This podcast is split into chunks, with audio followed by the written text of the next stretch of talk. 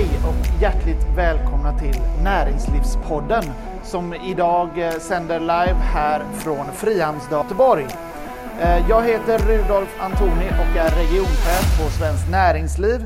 Och eh, Näringslivspodden lyfter många frågor som, som rör företagande i allmänhet. Och idag ska vi prata om en fråga som har blivit allt högre på företagens agenda, nämligen hur brott och otrygghet drabbar företagen och deras verksamhet.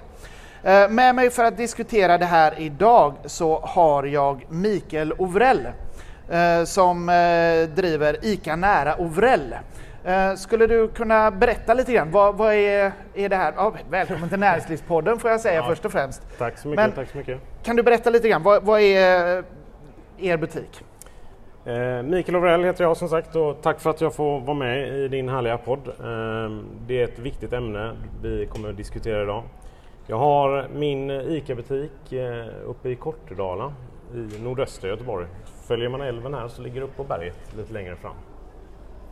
Vad är, det, är, är det någon, en butik du har startat själv eller är det ett familjeföretag som har funnits länge? Eller hur, vad, vad är det för slags butik? Min eh, farfar fick en eh, briljant affärsidé 1952 eh, och den lyder Nöjda kunder kommer åter.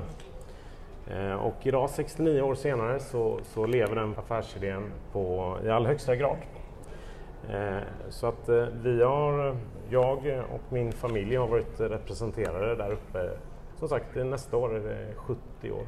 70 år. Mm. Imponerande. Ja, verkligen. Nöjda kunder kommer åter. Eh, det, är en bra devis, definitivt. Eh, men jag kan tänka mig att det här med, med eh, brott och otrygghet som vi ska prata om idag är ju, är ju någonting som, som kan påverka det om man har nöjda kunder och om de kommer åter. Eh, Svenskt Näringsliv har ju undersökningar som visar att brott och otrygghet eh, upplevs som ett stort problem för allt fler företag, inte minst här i Göteborg. När vi ställer frågan till företagen i Göteborg om vad är den viktigaste insatsen för att förbättra företagsklimatet i din kommun så är eh, minskad brottslighet och ökad trygghet det som kommer som nummer ett på den listan. Eh, handeln är också eh, enligt våra mätningar särskilt drabbad. Mm. Eh, en av de branscher som har det, har det tuffast med, med brott och otrygghet. Eh, stämmer det här med din uppfattning? Ja, det gör det. Och eh, jag skulle nog säga att det är den branschen som faktiskt är mest utsatt. Och brott i butik är ju egentligen en, en reflektion av hur övriga samhället mår. Eh, och eh, i takt med att den, den grövre brottsligheten växer sig starkare i, i staden så, så är det klart att vi märker av det som många kallar den, den eh, småbrottsligheten. Sen så skulle jag inte vilja kalla rån, hot och våld för, en, för småbrott och ungdomspojkstreck. Det, det, det tror jag inte. Och det, det jag tillsammans med mina kollegor här i staden men även i övriga Sverige eh, behöver göra och det är helt enkelt vi, vi kavlar upp armarna och vi står redo att fightas, ta fighten mot brottsligheten.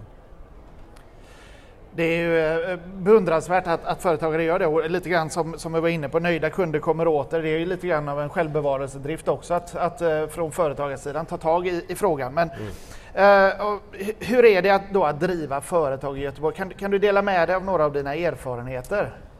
Ja, det är ju... Eh, eh, det har ju sina utmaningar. Eh, självklart, det har alla branscher. Och jag tror, jag tror att vi måste samverka för att komma till bukt med det här. Det här eh, att bara sitta i möten och planera och göra analyser av vad som sker i staden, det, det är ärevärt och det måste göras. Men det måste börja hända lite grejer också. Och det har jag hört på flera utav scenerna här idag att, eh, att både politiker och kommunala tjänstemän säger att nu ska vi göra någonting. Så att jag ser fram emot att det händer lite grejer här i stan. Det är ändå, ändå, ändå hoppfullt eller, eller snarare kanske en uppmaning. Ja, jag skulle nog säga eh, en uppmaning. Ja. Men eh, okej, du, du är företagare, du eh, har ett arbetsgivaransvar, du har anställda. Eh, vad, vad händer i din butik? Vad är problemen som du stöter på som har med, med brott och otrygghet att göra? Ja, alltså senast igår hade vi en incident där, där väktarna var tvungna att sätta, sätta handfängsel på, på gärningspersonen. Eh, och då handlade det om eh, så, en sån banal grej som en Ramlös och ett paket kött.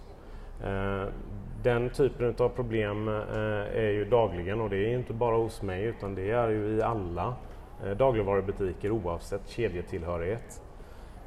Och det som kanske är lite speciellt är ju att vi, både jag och mina kollegor möter ett allt tuffare klimat från, från de här gärningsmännen och kvinnorna för den delen. Där, där vi i hela samhället måste sätta hårt mot hårt. Eh, det funkar inte att mina anställda och mina kollegors anställda får ta emot hot och, och till och med våld. Att få en pistol riktad mot sig eller en kniv eh, mot halsen, det är inte okej. Okay. Och någonstans måste vi börja samverka för att, eh, för att komma till bukt med det här. Mm. Absolut, vi, vi, ska komma in på det här med lösningar och vad vi, vad vi tror behövs om en liten stund. Men eh, hur, hur, hanterar man det som arbetsgivare? Jag menar, du anställer någon för att, att sortera, eh, packa ur grönsaker och, och, och ta an, sitta i kassan och sen så får du hantera en situation där de blir utsatta för eh, dödshot mm. egentligen. Mm. Vad, hur, hur, hanterar man det? det? Det känns svårt. Ja, det är eh, jättesvårt och, och, varje, varje situation som upp, uppkommer är ju också unik. Så att man får ju anpassa krishanteringen utefter den situationen som har inträffat. Eh, mitt fokus framförallt ligger ju just nu på, på att eh, eh försöka förhindra att det uppkommer igen. Vi, vi har jobbat väldigt bra uppe i butiken med, med säkerhet och trygghet och sådär. Eh, utan den fantastiska personalen jag har idag så, så hade vi nog inte haft öppet. Eh, så vi har ju lyckats, vi har ju faktiskt lyckats på ett eller annat sätt att gå från att ha haft extrema problem till att vi nu kan titta bortom och se hur stoppar vi problemen i framtiden? Mm. Och då är det kanske inte i butiken ni stoppar dem utan det är ute i samhället Nej, snarare? Precis, precis. Och, eh, vi allihopa, alltifrån från småbarnsföräldrar till, till dagispersonal till skolpersonal. Vi måste samverka. Va? Och det, det, är, jag tror att det är en nyckel och det har jag hört fler säga här idag som från näringslivet att vi vill samverka. Om, om man tittar lite grann historiskt så här, eh, hur ser utvecklingen ut? Är det en grövre, du var inne lite grann på det, att det möter liksom en annan attityd och kanske grövre mm. eh, brottslighet. Mm. Eh, hur, hur, ser utvecklingen ut? När jag började eh, eller, eh, som ICA-handlare, eller när, när jag eh, väl kom dit, eh, så, så fanns det fortfarande en form av tjuvheder.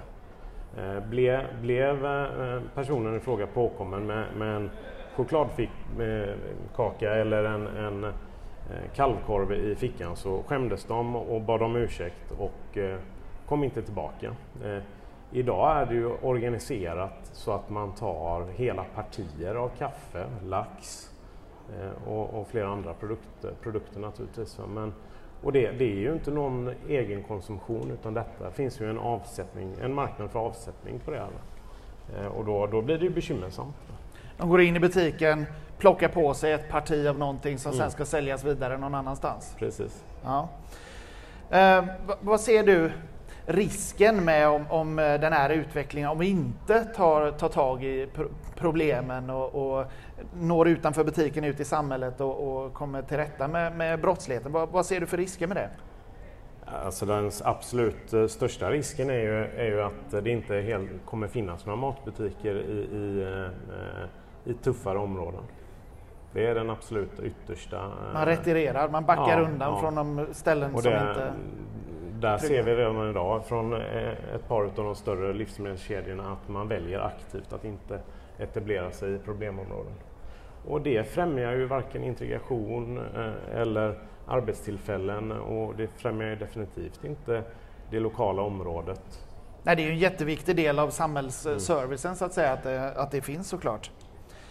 Eh, en problematik som vi ser, det är kanske olika från olika branscher, men är ju att många företagare faktiskt inte polisanmäler alla brott som begås mot dem, alla stölder eller eh, vi har, har exempel från eh, till exempel de som blir av med diesel från sina maskiner och sådär att de tycker inte det, det är lönt att anmäla och därför så ser, visar polisens brottsstatistik att ja, men dieselstölderna går ner. Mm. Eh, hur, hur eh, ser du på det här med att polisanmäla?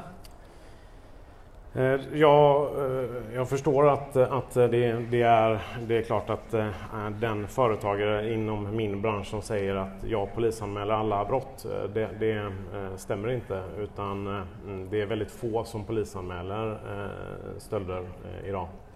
Och orsakerna till det är ju många. Framförallt så är det ju att det inte leder någonstans. Det kräver enorma resurser i form av personal och tid. Eh, och det drabbar ju naturligtvis verksamheten på områden som man kanske tycker är viktigare som att exempelvis skapa nöjda kunder. Eh, och eh, skulle det då ändå tas, eller att man polisanmäler, så, så i många städer runt om i Sverige så får man ju vänta rätt länge på polisen. Jag har ju fördelen att, att polisstationen inte ligger så långt ifrån butiken så att det, det brukar alltid komma ut konstaplar som som faktiskt vill göra ett riktigt, riktigt bra jobb och det gör de.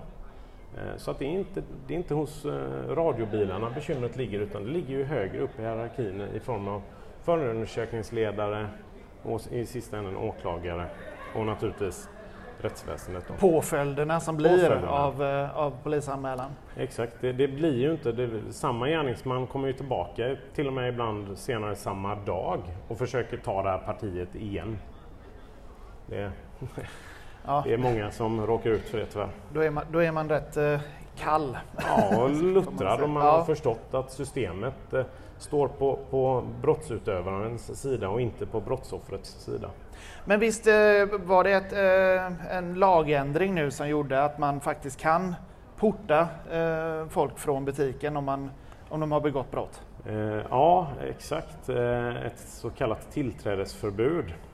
Och det är ju i grund och botten en, en väldigt bra tanke i detta och, och, och så som ambitionen var ifrån från eh, remissinstanserna och annat var ju faktiskt att, att eh, stjäl man eller försöker stjäla då ska man inte vara välkommen tillbaka in i den butiken. Inte, inte bjuder du hem gäster som har stulit hemma hos dig en gång till? Nej, inte så ofta. Det, Nej. det faller sig ganska naturligt att, att man inte gör det. Va? Eh, tyvärr så har ju den här lagen eh, tolkats eh, väldigt märkligt utav åklagarna som sitter och beslutar om det här. Så att personen i fråga måste ju bli dömd för snatteri eller för stöld i, i, i butiken. Men i och med att det är omöjligt att få en person dömd för stöld och snatteri i en butik, för det läggs ju bara ner, så blir det ju ett form av moment 22. Så att eh, jag uppmanar lagstiftarna att eh, se över lagen och syftet med lagen en gång till och göra om och göra rätt. Om vi går in på det här då med vad, vad man som företagare kan göra. Hur, hur, eh, hur kan du själv agera för att öka tryggheten eh, för din verksamhet och dina medarbetare? Är, och är det någonting som du kan göra själv? Ja, absolut. Eh, I, i, min, i min lokala verksamhet och i, min, i mitt företag och i min butik, där, där har jag väldigt stor möjlighet att påverka. Eh, men jag kommer inte längre i de åtgärderna just nu. Eh, nu behöver övriga samhället och övriga delar av, av, eh, av allt från politiker, skolor, eh, rättsväsende och polis, vi måste tillsammans försöka se med nya ögon på detta och angripa problemet. Mm. Och där, där har vi ju exempel på det här med trygghetsöverenskommelser som, eh, som jag eh, har drivit ganska hårt här i Göteborg under nu har vi hållit på och tjatat om de här trygghetsöverenskommelserna i snart två år. Och eh, den politiska viljan finns. Mm, sen så tar det ju stopp på tjänstemannalederna där, där, man, där man ofta berömmer sig själv för sina egna insatser och att Man är extremt duktig på att arbeta med det här med trygghet och sådär. Men tyvärr så märker man ju inte det när man är ute och tittar på våra gator och torg. Då får ju jag en annan bild utav den problembeskrivningen som, som man har analyserat nu i två år. Eh, så att eh, och den här trygghetsöverenskommelsen, det handlar inte om några stora pengar på det sättet utan det handlar om att vi tillsammans tar en promenad, gör en trygghetsvandring där vi hela tiden regelbundet följer upp så att finns det belysning, finns det några eh, obehagliga buskar där någon kan gömma sig eller finns det hålor där, där man kan gömma knark? Eh, så att man hela tiden kontinuerligt utvecklar och förbättrar närområdet. Det är jätteviktigt. Och det är någonting som man måste göra tillsammans med, med myndigheterna men det är inte någonting som de kan göra själva heller utan snarare någonting som ja, men näringslivet och allmänheten kanske ska vara en del av. Absolut, vi, eh, näringslivet eh, och vi inom ICA i alla fall står, står redo att sätta igång det här. Och vi, jag har ju fantastiskt många bra exempel på det här. Vi kan ta eh, Luleå exempelvis. Där, där eh, reagerade både politiker och, och, övriga delar av samhället med att Wow, vilken grej! Shit, vad bra! Och så körde de igång redan efter ett halvår. Och eh, brottsligheten och eh, framförallt om vi tittar på svinn och annat har sjunkit radikalt. För de här enkla åtgärderna som man gör tillsammans. Mm. Um, gängkriminaliteten eh, har ju har fått väldigt stor uppmärksamhet, eh, inte minst här i Göteborg. Eh, det, talar, det är skjutningar, det är sprängningar, det är eh, saker som, som de, de flesta kanske inte eh, kommer i så, så, nära kontakt med men det får ändå väldigt stor uppmärksamhet. Mm. Uh, den här typen av brottslighet som vi pratar om, snatterier, stölder, lite rån uh, på en mindre skala, mm. kanske inte får så stor uppmärksamhet. Mm. Men du har sagt i en annan intervju tidigare att man bör behandla butiksbrotten som en del i bekämpandet av gängkriminaliteten. Ja, Skulle du kunna utveckla de tankarna lite grann? Ja, eh, som sagt idag, idag skäls det ju inte bara en produkt eh, och så är det för, själv, alltså för konsumtion hemma i köket. Man stjäl inte matvaror för att mätta magen själv. Utan man använder ju de här pengarna, eller eh, varorna som man stjäl till att sälja om lite mindre seriösa aktörer som i sin tur säljer det till konsumenten. Eh, och och eh, de här pengarna, som, det är otroliga summor pengar vi pratar om när vi kollar ur ett nationellt perspektiv. Eh, bara i Göteborg eh, kan man ju göra uppskattningar om det lagret som polisen tog ute, eh, ute vid Munkebäck. Det var ju, det var ju ett inköpsvärde om 9 miljoner kronor. Då förstår man att det här är inte några små pengar när slutkonsumenten har betalat med ett litet pålägg där också. Då kan stölder av eh, om vi säger, kaffe och lax och, och ja. andra saker i din butik kan finansiera annan kriminell verksamhet? Då. Ja, ja exakt. Det, det, är min, min, min bild av det hela. Att de här pengarna som, som används de går till att finansiera droger. Eh, och droger vet vi sedan länge att det är ju ett utav utav gängernas största inkomstkällor.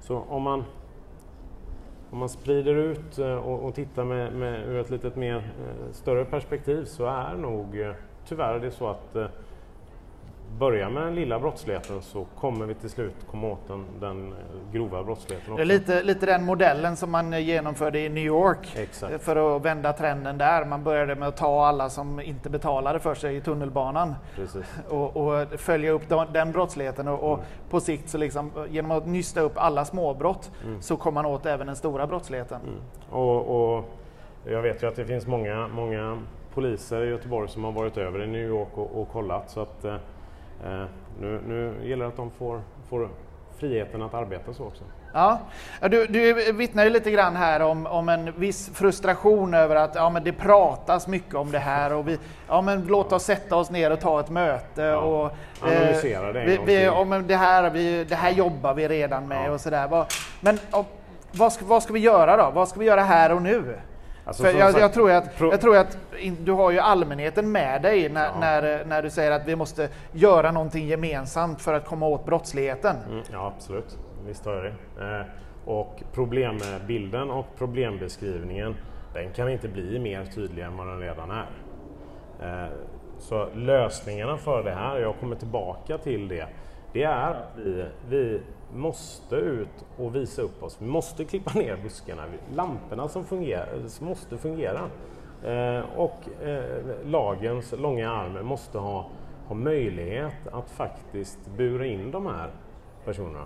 Förhoppningsvis så leder ju det här en snabbare lagföring, ett projekt som polisen har haft igång i Göteborg eh, sedan 1 januari i år. Förhoppningsvis så leder ju det till att, eh, att det blir lite lugnare. Va? Men det är lång väg kvar att gå. Mm. Men eh, om, om vi ser då på, på nationell nivå, är det några liksom lagstiftningsförändringar eh, som, som behövs? Ja, framförallt är det ju nu det som är mest aktuellt, det är det här tillträdesförbudet som är helt verkanslöst. Eh, det, det, där måste det till en, en översyn av, av, den lagen. Och det, det, är ju de butikerna som har lyckats få ett eh, tillträdesförbud utav, ut, mot eh, de här personerna har ju också upplevt en högre medarbetarnöjdhet, högre kundnöjdhet och ökad lönsamhet. Mm. Så att det är jätteviktigt eh, att man gör, en, eh, gör om och gör rätt på, på den lagen. Sen eh, om man pratar om lösningar och, och sådär också. det offentliga måste bli lite mer, det måste bli lite mer action.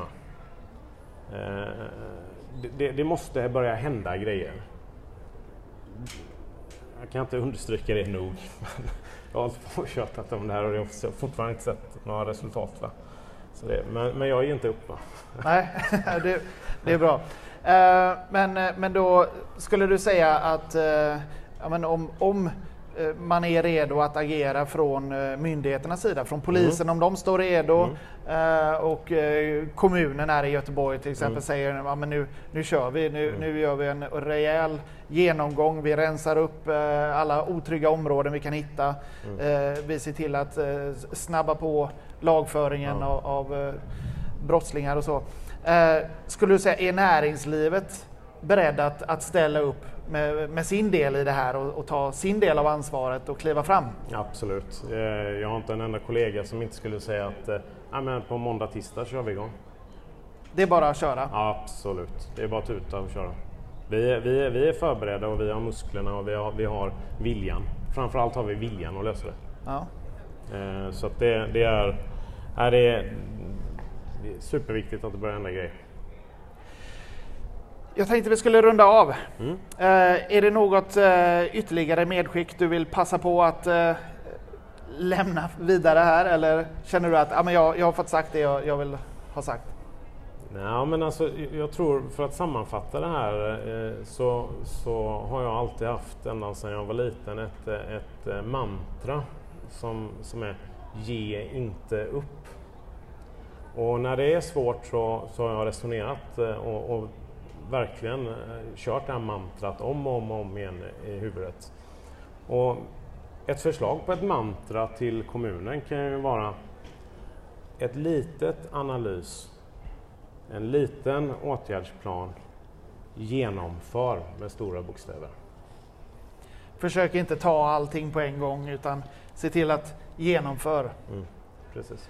Klokt. Tack för att jag fick vara med. Ja, tack så hemskt mycket Mikael Lovrell för att du var med i Näringslivspodden här på Frihamnsdagarna. Och, eh, och kan vi säga, ja, men ge inte upp, det är väl ett eh, väldigt bra mantra och ett budskap att skicka till både alla näringsidkare här i, eh, i staden men även till polisen och kommunen. Mm. Ge inte upp. Nöjda kunder kommer åter. Jag tycker att eh, det är väl någonting som Göteborg som stad bör tänka på också. Nöjd, nöjda invånare stannar kvar. Och, så att, tack så hemskt mycket och eh, det var allt från oss. Tack.